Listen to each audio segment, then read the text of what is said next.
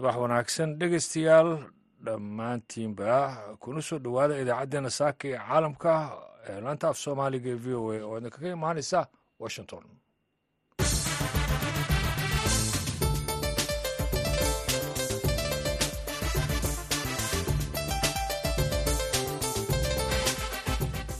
Aroor wanaagsan meel kastoo aad joogtaan. Waa subaxnimo isniina shan iyo tobanka bisha janawari sanadka labada kun afar iyo labaatanka waxaad naga dhegaysanaysaan haatan mawjadaha gaagaaban ee lix iyo tobanka iyo sagaal iyo tobanka mitrband efemada magaalooyinka geeska afrika qaar iyo boggeenna v o a somaly com. Saacaduna haatan afrikada bari waa lixdii iyo barkii subaxnimo. Idaacadda saaka iyo caalamka waxaa idiin soo jeedinaya anuga ibraahim xasan daanduray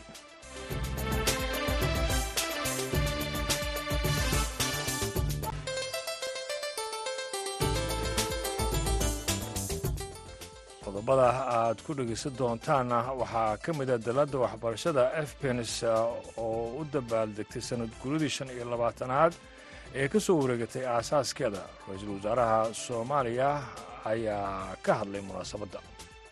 Efbenis waa hooyada dibi curashada waxbarashada soomaaliya kadib burburkii ee dalka gaaray iyo dowladla-aantii dhacday. Waxay runtii efbenis mustaqbal wanaagsan u abuurtay kumanaan soomaaliyeed. Kaalintii dowladnimo ayay ciyaartay. Xilli weliba aada u adkaa. Sidoo kale waxaad maqli doontaan shil baabuur oo dad badan ay ku dhinteen oo ka dhacay deegaanka shabeeley ee duleedka magaalada jigjiga. Shirkadda isgaarsiinta telesom oo g iyaduu ku kordhisay adeegeeda kaasi oo xoojinaya awoodda internetka. Qodobadaasi ayaad ku maqli doontaan idaacaddeenna hase yeeshee waxaa ka soo horrayn doonaa warkii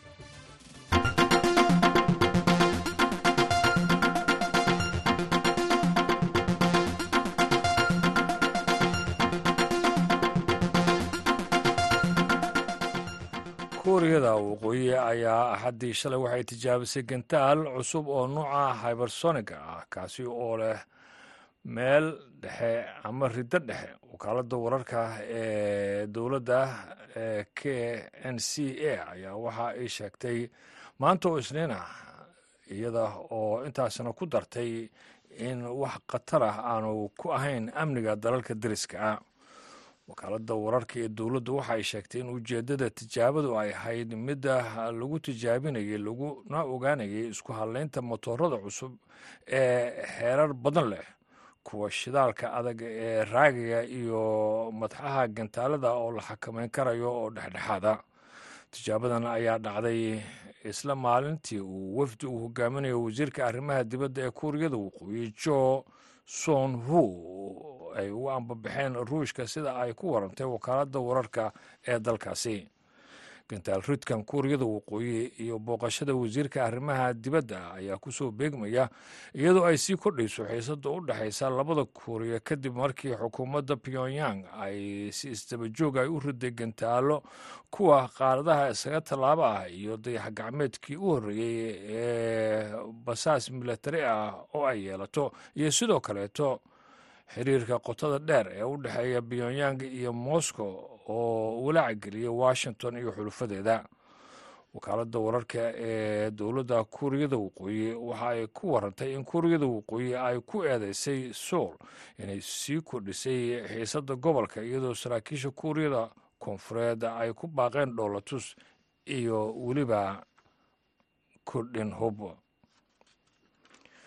shan qof ayaa meydkooda waxaa la helay axaddii waxaana la sheegayaa in ay tani tahay dhibaato kale oo dhinaca badda ah oo ay ku lug lahaayeen tahriibayaal isku dayayey inay ka gudbaan kanaalka ingiriiska ee khatarta ah ee waqooyiga faransiiska sida ay mas'uuliin sheegtay dhimashada iyo badbaadinta tobannaan qof oo kale kadib markii dooni ay tahriibayaal la socdeen ay dhibaato la soo diristay ayaa la sheegayaa inay ugu wacan tahay mugdiga iyo qabowga waxaana taasi ay iftiimisay khatarta. Biyo ku hafasho quusinta iyo dhacdooyin kaleeto oo mararka qaarkood dilaaga ah oo inta badan la raaco doonyaha ciriiriga iyo kuwa jilicsan ayaa inta badan waxa ay ka dhacaan jidka mashquulka badan ee badda wasiirka cusub ee arrimaha dibadda ee faransiiska ayaa sabtidii gaaray caasimadda ukrain ee kiev si uu ula kulmo dhigiisa taasi oo muujinaysa taageerada ukrain xilli duulaanka ballaaran ee ruushka uu ku dhow yahay sannadkii labaad. Stephen sejorni waxa uu xusay in ukrain ay tahay safarkii ugu horreeyey ee uu dibadda ugu soo baxo tan iyo markii loo magacaabay wasiirka isku shaandhaynta xukuumadda toddobaadkan. Shir jaraa'id oo si wada jir ay u qabteen wasiirka arrimaha dibadda ee ukrain demetro kuleba iyo sejoni ayaa waxa ay waxa uu sejoni ku celiyey ballanqaadyadii dowladdiisa ee taageerada ukrain inta laga maarmaanka ah laakiinse ma uusan shaacinin in uu dalkiisu hub keenayo dalkaasi. Warkiina dhegeystayaal waa naga intaas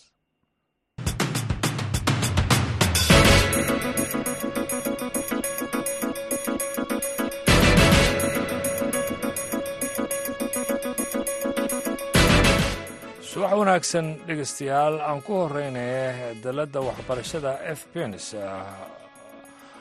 ayaa waxa ay u dabaaldegtay sanad guuridii shan iyo labaatanaad ee ka soo wareegatay aasaaskeeda ra'iisul wasaaraha soomaaliya ayaa ka mid ahaa marti sharaftii ka hadashay munaasabadda.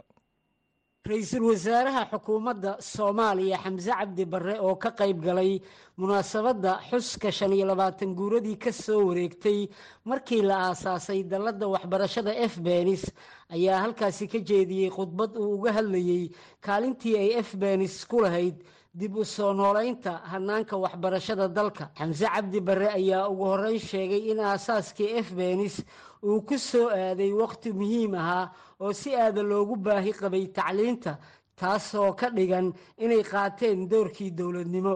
F benis waa hooyada dibi curashada waxbarashada soomaaliya kadib burburkii ee dalka gaaray iyo dowlad la'aantii dhacday waxay runtii f benis mustaqbal wanaagsan u abuurtay kumanaan soomaaliyeed oo dunida dacaladeeda jooga. Waxay kaalintii dowladnimo ayay ciyaartay. Xilli weliba aada u adkaa oo dadku ay aada wala socotaan. Ra'iisul wasaaraha oo hadalkiisa sii wata ayaa tilmaamay in howlaha waxbarashada f benis ay wax badan ka bedeleen nolosha qoysas iyo ubad badan oo soomaaliyeed maadaama tacliintu ay la falgasho heerarka nololeed ee bulshada. Waxay noloshooda bedeshay kumanaan qoys oo soomaaliyeed. Ay transform garaysay oo ay dhaqankoodii iyo noloshoodiiba ay wax ka bedeshay oo dee waxbarashadu sidoodaba waa waxaa transform gareeya bulshooyinka. Hadday faqri ahayn faqriga ka saara haddii ay akhlaaqda xumeyd akhlaaqda wanaagsan geeya. Marka kumanaan iyo boqolaal qoys iyo ubad soomaaliyeed ayay runtii dhaqan toosisay. Boqolaal qoys oo faqiir ahaa ayay noloshooda soo wanaajisay. Marka waxyaabaha ay qabatay dalladda f bens ayay ka mid tahay.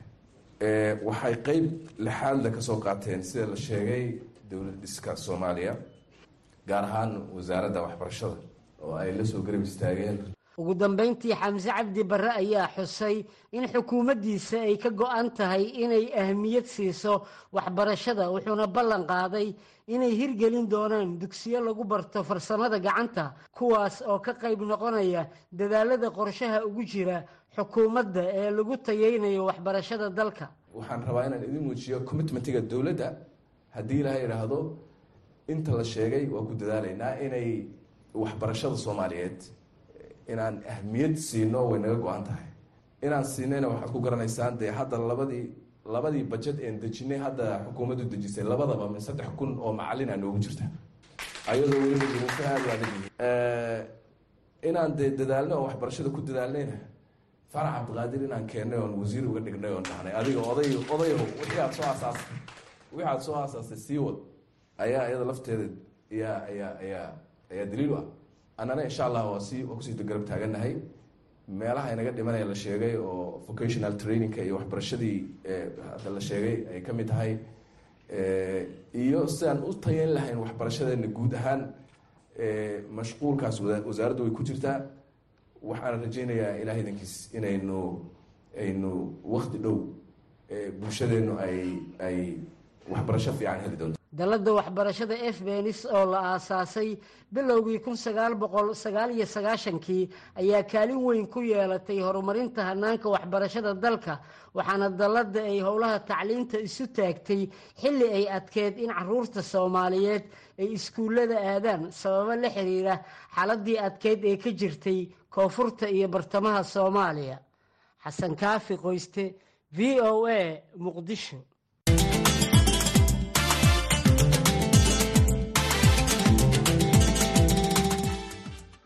kow iyo toban qof ayaa ku dhintay laba iyo toban kalena way ku dhaawacmeen kadib shil baabuur oo gelinkii dambe shalay ka dhacay deegaanka shabeeley ee duleedka magaalada jigjiga.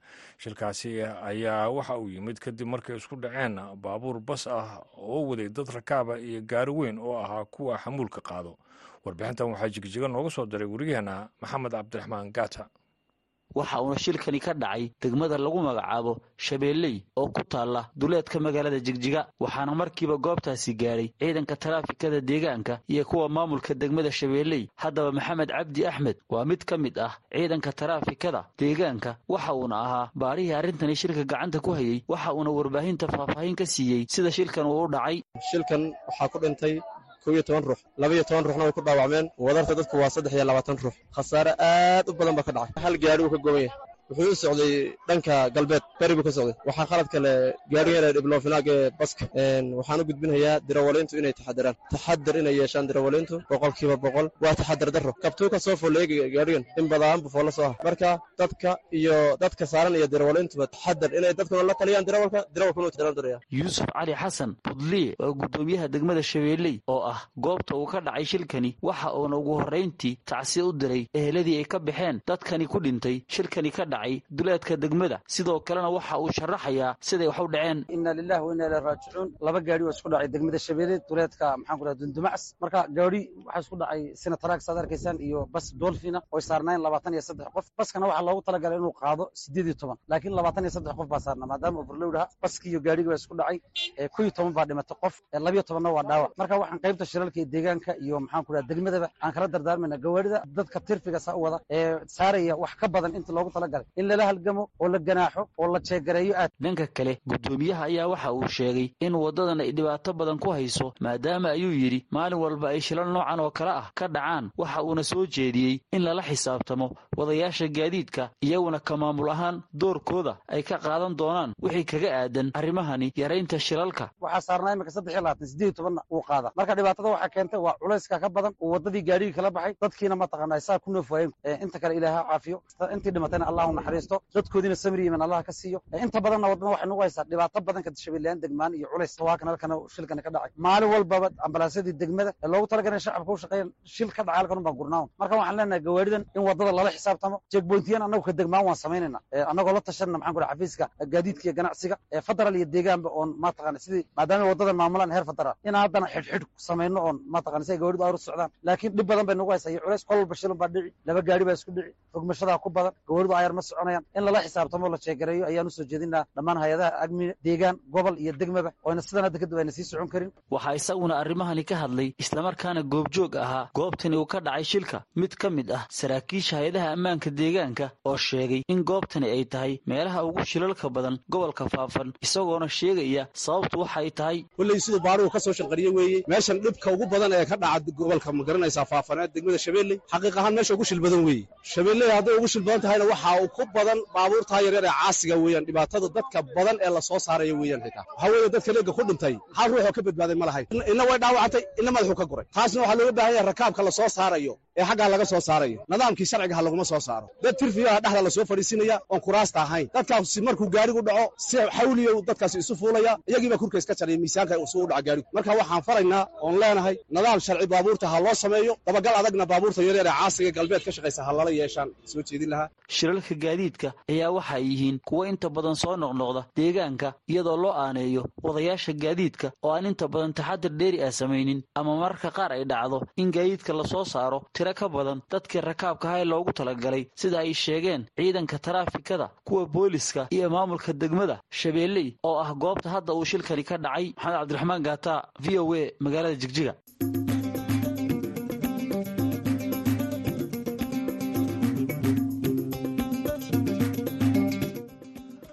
dalka britain ayaa waxaa jira dad ka qayliyey weerarada maraykanka iyo britain ay ka geysteen dalkaasi yemen iyadoo qaar ka mid ah dadka u dhaqdhaqaaqa arrimaha falastiin ay shalayto banaanbax ay ka dhigeen fagaare ka soo horjeeda saldhigga militariga ingiriiska uu ku leeyahay qubrusta gariga raacsan. Haddaba weerarada cirka saameyn intee la ega ayay ku yeelan karaan britain. Xuutiyiintase ma lagaga adkaan karayaa weeraradaasi.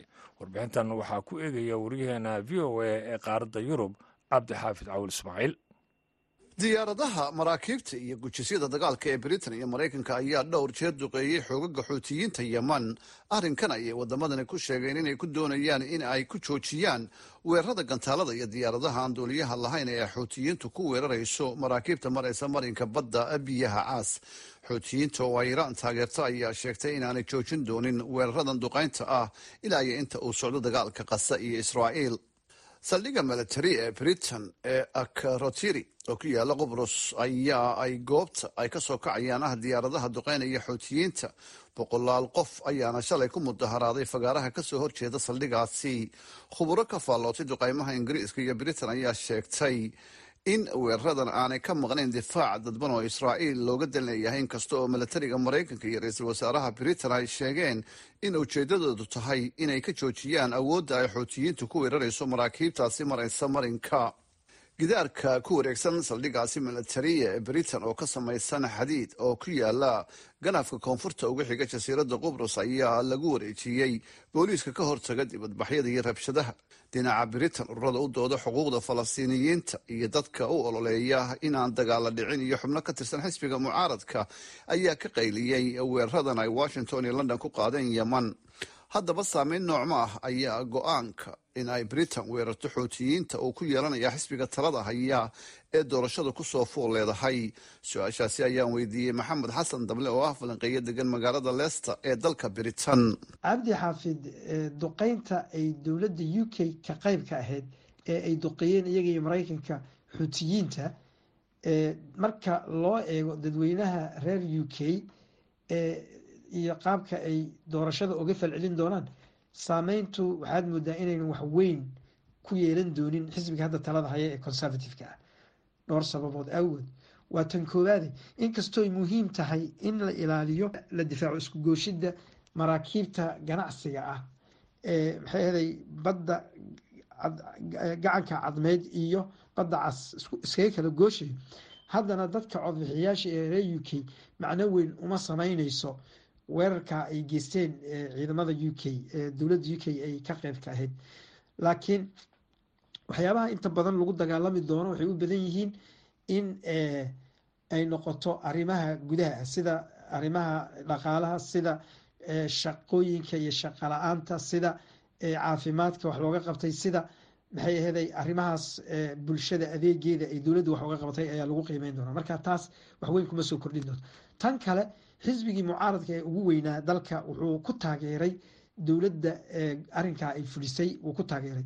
Taana waxaa laga dareemi karaa in haddii ay dowladda ku khilaafi lahaayeen xisbigii mucaaradka ahi uu cod waan lahaa. Marka labada arrimood awgood saameyn weyn kuma yeelan doonto xisbiga conservativeka doorashada soo socota. Dhinaca kale duqeymaha britain iyo maraykanku saameyn intee leeg ayay ku yeelanayaan xasiloonida gobolka. Waa kan mar kale maxamed xasan dable cabdi xaafid dagaalkan ay qaadeen ingiriiska iyo maraykanka oo ay ku qaadeen xuutiyiintu mandiqadu xasilooni dari ba'an ayuu oo u sababi karaa haddii uu sii socdo. Waa midda koowaade horta dagaalka wuu fidayaa oo kuma ekaan doono sidii marka hore maraykanka iyo xulafadooda ay rabeen dagaalka inuusan fidin oo uu ku ekaado israel iyo xamaas taa way dhici weysay ingiriiska iyo maraykanka oo xulafa la ah israel si toos ayay ugu soo hiiliyeen ayagoo adeegsanayo in ay tiigsanayaan ama cuskanayaan qodobka konton iyo koowaad ee cahdiga qaramada midoobey kaasoo dhigayo in dowladdu ay xaq u leedahay in ay isdifaacdo.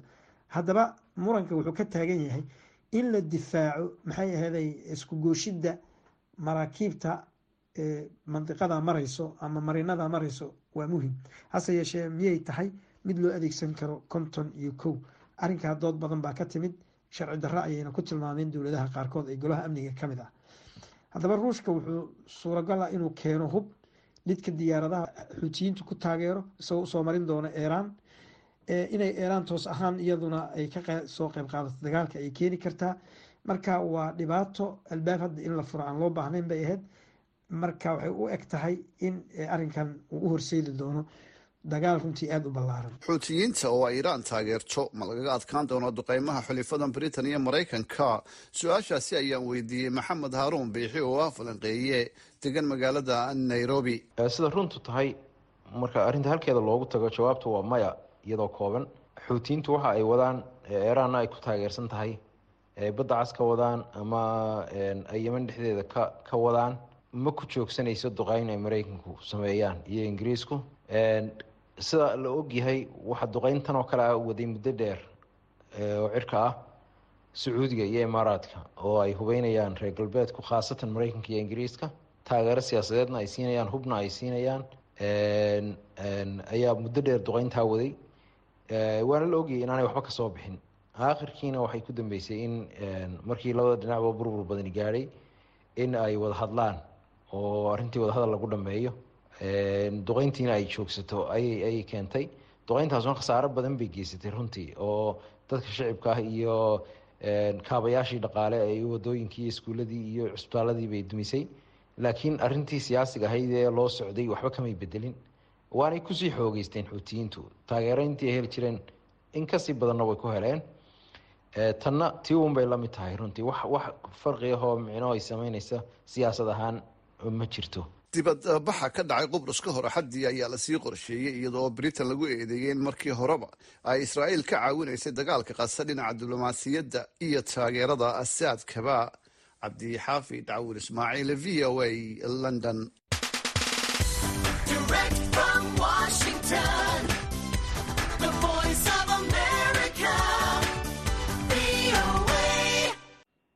shirkadda isgaarsiinta ee telesom ee xarunteedu tahay magaalada hargeysa ayaa dhowaantan waxay daafurtay adeega loo yaqaano five g oo ah adeega ugu casrisan ee dhanka telefoonada gacanta. Waxaana loo isticmaalaa khadka internetka macaamiisha shirkaddani ayaa hore waxay u heli jirtay adeega for g. Saare cidlo nuur ayaa khadka telefoonka waxay kula xiriirtay maxamuud cabdiraxmaan garyare oo ka mid ah madaxda shirkadda telesom waxaynu ugu horreyn weydiisay inuu sharaxaad ka bixiyo adeegaasi five g. Five g waa facii shanaad ee isgaarsiinta. Waxaa bilowgii ugu horreysay laga hirgeliyey waddanka south korea laba kun iyo sagaal iyo tobankii ayaa runtii la hirgeliyey. Five g gu waxyaabaha uu kaga duwan yahay waxa weeyaan xawaare dheeraada in uu siiyo qofkii isticmaalaya five g ga waxaan xasuustaa waxaan joogay barcelona beriga laba kun iyo sagaal iyo tobankii meel carwo la yidhaahdo mobile world congresska oo aan halkaa joogay. Marka waxaan si toosa u daawanaynay qaliin operation barcelona lagu sameeyo meel remoda laga sameynayay marka waxa ugu weynay keenaysaa waxa weeyaan inaan qofkii wax qalayay iyo dhakhtarkii meesha remotka ah joogay ay si real time ah ay u wada socon karayaan oo aanu dee mindidii dhaafin. Macnaheeduna waxa weeyaan wuxuu ka fiican yahay un xawaarihiisu xawaarihii four g oo markii hore ka gaabinayay. Marka qaliin qof bukaana lagu sameynayey baa lagu soo bandhigay shirkaasi aad kaga qeyb gashay barcelona. Qaliinkaasoo loo adeegsanayo technolojiyadda iyo adeega internetka gaar ahaan five g ga saasaan u fahmay maxamuud? Aada iyo aad saas u ahaa. Waa markii koowaad runtii qaliin caynkaas ah lagu sameeyo adeega five g ga weliba la isticmaalayay dhakhtar barcelona ku yaalla ayaa xafladii aanu joognay dhakhtar kale oo joogaa uu kala socday oo qof la qalayo. Marka aanu si life u daawanayno qofkii la qalayo mindidiio meesha kolba halka ay marayso mindida oo ay ay wadayaan. Marka life surgery buu ahaa. Si toosa ay u soo gudbanayeen oo carwada lagu soo dhex bandhigay. Marka goormaa loo fasaxay dunida inteeda kalena inay isticmaali karto adeegan five g ga qofkuna uu telefoonkiisa gaarkaa ku isticmaali karo dunidoo dhan marka horeba runtii waa loo fasaxay oo way u fasaxnayd oo kolley qolo waliba waddankooda ayay ka qaadataa laysanada waana u fasaxnaa. Wadamadu way ku soo kala horreeyeenoo qolyihii ugu horreeyey waxay ku bilaabeen waxay trial yidhaahdaan oo intaanad launch garayn. Tijaabo ahaan oo ay u sii daayaan oo ay tijaabiyaan siduu u shaqaynayo iyo qaabkuu u shaqaynayo marka aan macaamiil loo gudbinayn trialka markuu dhaafo ayay deetana launchka gaadhayeen eventka. Deetana launchkaasay ku sii daynayeen inkastoo muddo sanada imika aan soo wadnay. Haddana markii aanu bilownay waxaanu ku bilownay saddex iyo toban magaalo oo waddanka ka mid ah oo hargeysa iyo boorame borco berbera wajaale ceergaabo ay ka mid yihiin magaalooyinkii aan aan runtii ka sii daynay oo adeegu uu imika dadka u furan yahay. Dadka tusaale ahaan shirkadda telesom maadaamay somalilan ka shaqeyso dadka badankoodu ma haystaan telefoonada smartphone-ka ama telefoonadan casriga yaa ka faa-iideysanaya adeegan aada soo kordhiseen macaamiishiina. Ma dadka telefoonada casrigaa haysta mise qof kasta waxbaa iska bedelaya adeegii aada siin jirteen? Maadaama waddan soo koraya aynu nahay. Dadkeena boqolkiiba konton waxay haystaan telefoonadan tooshlaha loogu yeedho magaalada gudaheeda waddanka gudihiisa. Marka dadkaasu suurtagal uma noqonayso in adeega ay isticmaalaan. Inkastoo adeegii uu u diyaar yahay laakiin maalin alla maalintu qofkaasi helo mobile awood u leh inuu isticmaalo. Adeegan ayuu isticmaali karaya intaa ka horeysa waxaa jira boqolkiiba dadkeenu inay haystaan mobiladan smartphoneska la idhaahdo kuwa kuwa haysta. Ayaa isticmaali karaya inkastoonay badankoodu wada isticmaali kareen kuwa laftooda oo ay tahay kuwa haysta highenka sida iphone fourteen oo kale kan samsunga la idhaahdo oo kale kuwiisa dambe telefoonadooda dambe oo kale qolada hawaawi la idhaahdo kuwooda dambe oo kale. Marka kuwa kuwa dambe haysta ayaa ka faa'iideysan karaya oo isticmaali karaya laakiin qolyaheenii kalena dee kama maqno waynu u diyaarinay platformkii ay isticmaali lahaayeen. Kaasina dhegeystayaal wuxuu ahaa maxamuud cabdiraxmaan garyare oo ka mid ah madaxda shirkadda telesom waxaana uu warramayay saare ciilanuur haatana ku soo dhowaada cododkii macow awdiinle iyo luul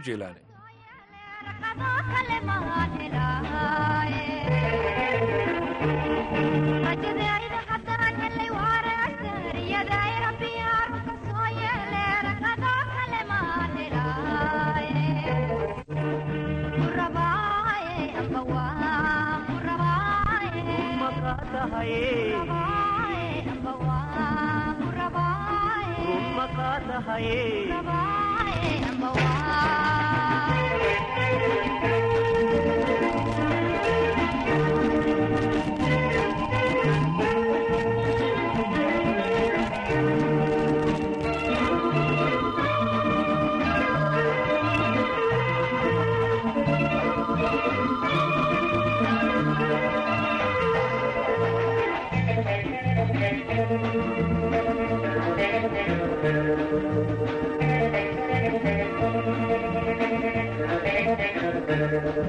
riixaanta jannaada ii tahay roob raxmadiisa lu raaxayste ruuxey adigaas ku raaceeriixaanta jannaada ii tahay roob raxmadiisa lu raaxayste ruuxey adigaas ku raace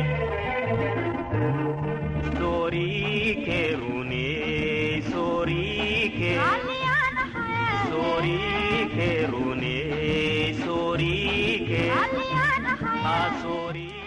runay waxaa wada jir u qaadayay macow awdiinle iyo luul jeylaani waxaynu ugu dambeysay idaacaddeenni saaka iyo caalamka intaan mar kale kulmi doono. Waa anigoo ibraahim xasan daanduraga abdale subax wanaagsan